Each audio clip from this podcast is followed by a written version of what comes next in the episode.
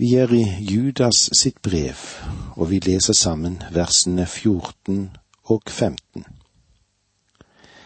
Det var også om dem at Enok, Adams etterkommer i sjuende ledd, profeterte da han sa, Se, Herren kommer med sine hellige engler i tusentall for å holde dom over alle, og vil kreve alle gudløse til regnskap for alle ugudelige gjerninger de har gjort og for alle trassige ord de har rettet mot ham, de gudløse syndere. Det er jo litt interessant å legge merke til det som sies her. De hellige engler i tusentall. Her har vi altså å gjøre med en kolossal mengde av de hellige. Det kan jo tolkes både som overnaturlige og som naturlige skapninger, som kan bety at meningen eller menigheten vil komme tilbake sammen med Kristus når han vender tilbake til jorden. Om menigheten kommer tilbake med ham for å herske på jorden, så må de åpenbart ha forlatt jorden tidligere. Du må ganske enkelt da tro på en bortrykkelse om du tror at Kristus kommer tilbake til jorden med sine hellige. For å holde dom over alle. Når Kristus vender tilbake til jorden, vil han iverksette dommen.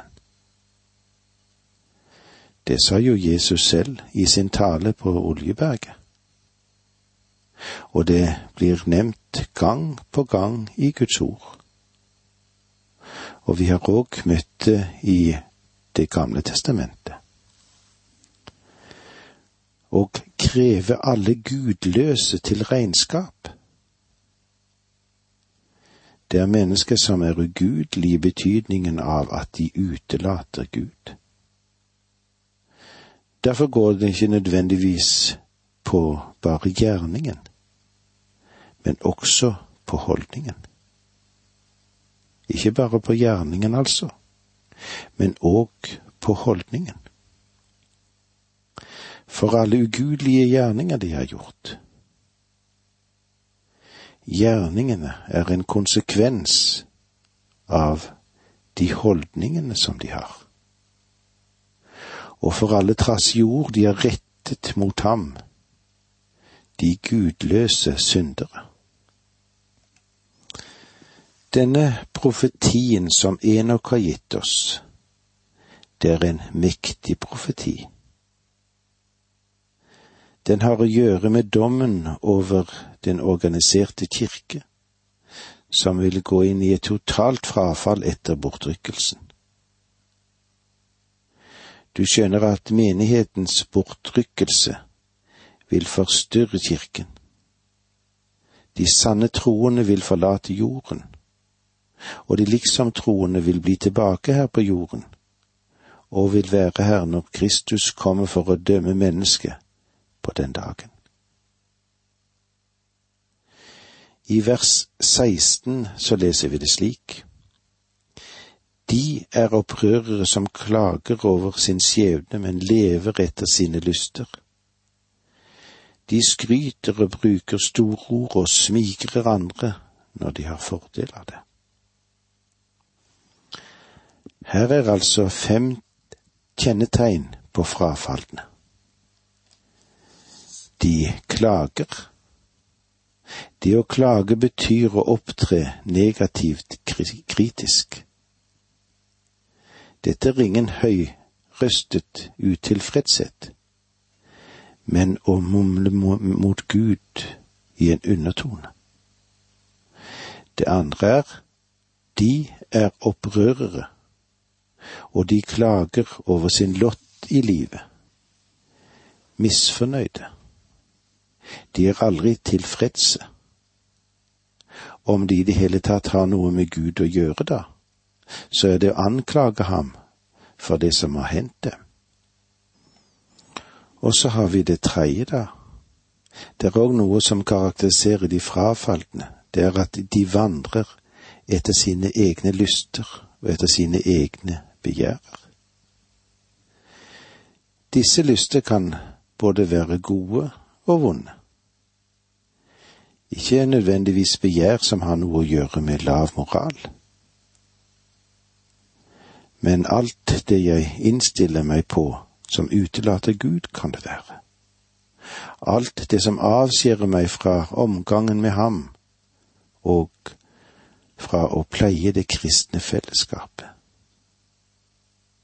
Det kan til sine tider finne en viss tilfredshet i religiøse ytringsformer, det.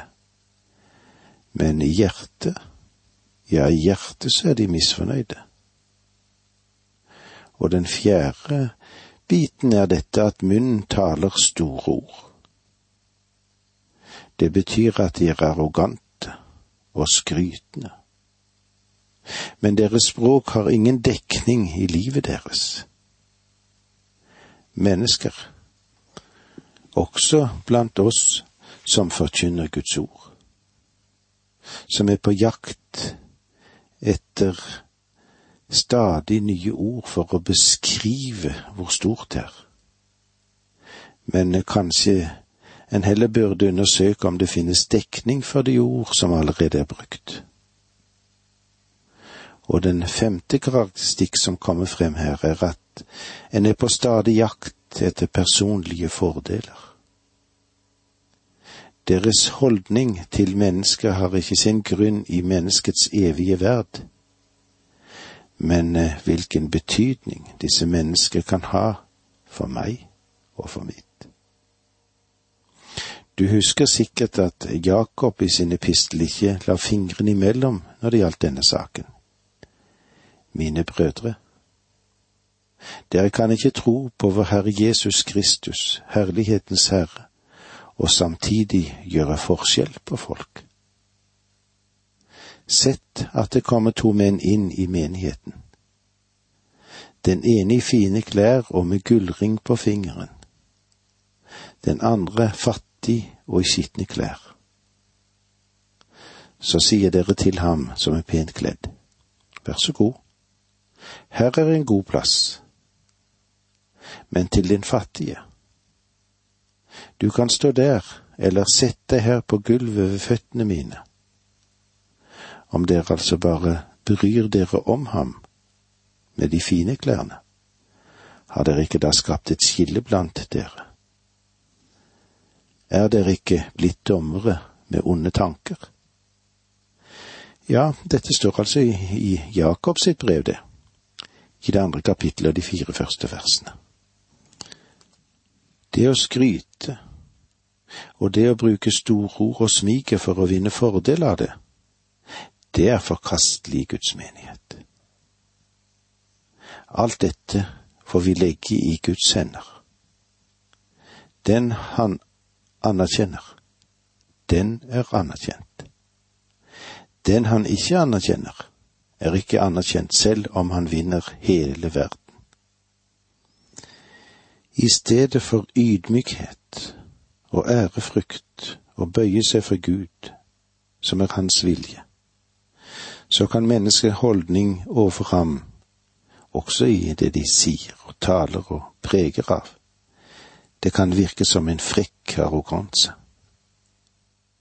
Samtidig så unnser de seg ikke for å anvende smiger og søte ord så sant de kan ha fordel av dette. Slik er det. Og det Judas sikter her, ikke minst til de som på en lite tiltalende måte prøver å få inngang og vinne fremgang, og at de muligens kan få innflytelse, ja, da spesielt i de velhavende kretser. De er utenfor menigheten, de. Hvorfor? Jo, fordi de fungerer der for vinningens skyld. Eller slik som det står i sangen om jeg eide alt, men ikke Jesus. Om jeg eide rikdom, makt og ære, og blant mennesker et æret navn, men ei noe håp for evigheten. for seilasen ingen sikker havn. Om jeg eide alt, men ikke Jesus, og hans kjærlighet til korsets død, og hvor hen i hele verden skulle jeg da fly i dødens nød?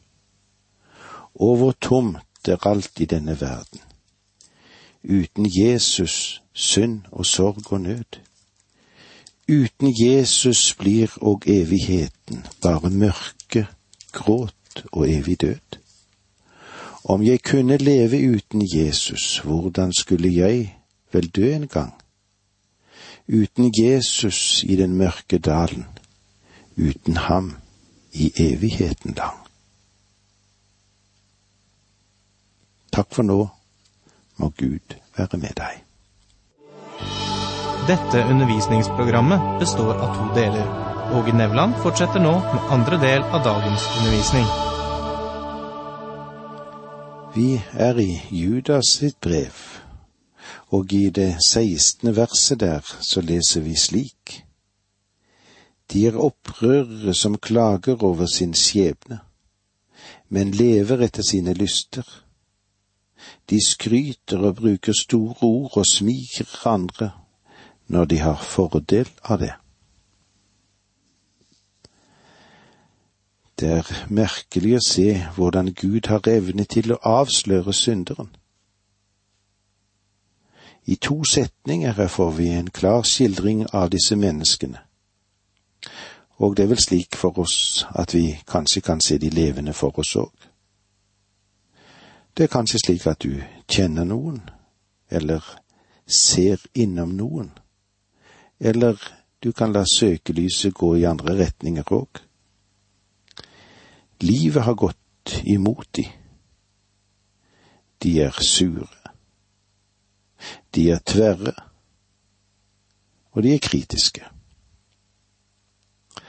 De prøver å se på seg selv som martyrer og så er det vel slik at en da skylder på skjebnen. Går du inn på de? Ja, da vil du kanskje få kjennskap til skjebnen. Det er Gud, og det er mennesker. Alle har behandlet de dårlig. Men du lytter forgjeves etter en tone av anger og synserkjennelse. Av og til kan det være interessant å undersøke hvordan slike mennesker lever. Og eh, en kan da finne ut at ordet er sant. Hva da? De lever etter sine lyster. Noen lever endatil i åpenbare synder og laster. Hos andre viser synden seg i finere former. De dekker det til og prøver å bygge opp rundt seg sjøl. Ytre sett så ser det bra ut. De lever etter sine lyster. Om eh, ikke noe annet, da, så vil de på en lengst mulig måte prøve å leve med en martyrfølelse. Og så omgir de seg med en mur. Hva som ligger bak? Hykleri. De vil ikke erkjenne for seg selv at årsaken til det mislyk, mislyk, mislykkede liv som de har, at det er deres egen synd. I stedet for å ydmyke seg, hva da? Jo, så vil de hevde seg. Og det de gjør, de skylder på skjebnen. Kanskje er det en eller annen som kan føle noe av at de har det slik. Og da synes det at disse ordene som vi har vært innom nå, er kanskje noe urettferdige. Ja, du føler kanskje at de er noe skarpe. Og da har jeg råd til deg. Du skal erkjenne sannheten for deg selv. Det er sant, det som har blitt sagt. Guds ord, er sterkt, det. Erkjenn synden for deg selv, for det er Gud du har syndet imot. Jeg vil anbefale deg å gi ditt liv til Gud og ta imot nåde for den synd som du kanskje lever oppi. Da vil livet ditt bli forandret, og du vil se at motgangen som ble sendt deg, den var av en kjærlig Gud, for han ville så gjerne frelse deg og redde deg. Vi går nå litt videre inn og ser på hvordan de troendes holdning er i frafallstiden. Det vil vi se i versene 17 til 19. Her blir de troende advart av apostlene at disse vranglærerne, de vil komme. Også i versene 20 til 25 får vi vite hva de troende må gjøre i en slik frafallstid. De troende blir altså advart om at frafallet, det vil komme. Judas minner de troende om at apostlene advarte at frafall og vranglære, det vil komme. Med andre ord sier han at dette ikke bør forstyrre oss. Det er noe som Gud har tillatt det, og han har tillatt det med én hensikt. Vers 17 men dere, mine kjære, må huske det som er forutsagt av vår Herre Jesu Kristi apostler. Det som nå skjer, er at Judas dreier oppmerksomheten fra å beskrive de frafalne, og han sier, Men dere, mine kjære. Det er som han går over på en ny side, og nå taler han om de kjære. De kjære er ikke dem som Judas er spesielt glad i. Men jeg tror at Judas elsket dem fordi han ikke ville ha skrevet så sterkt i sin epistel eller sitt brev om han ikke hadde elsket dem, og at han ønsket å si sannheten til dem. Det ord han bruker her, er at de er elsket av Gud. Det er disse som får oppleve Guds kjærlighet i sitt liv. Og det er derfor han kaller dem for mine kjære. Husk det som er forutsagt av vår Herre Jesu Kristi apostler. Gjennom alt Guds ord blir vi bedt om å huske hva apostelen sa. Med andre ord skal vi òg huske Guds ord. Både du og jeg burde kjenne Guds ord slik at vi i våre tanker og i vårt minne kan kalle det frem når vi trenger disse store sannheter, og det blir aktualisert for oss. Dere må huske det som er forutsagt av vår Herre Jesu Kristi apostler. Dette bekrefter at Judas ikke var apostelen med det navnet. Han er det vi har antydet halvbror til Jesus. På tross av sitt blodsfellesskap med Jesus har han en meget ydmyk holdning.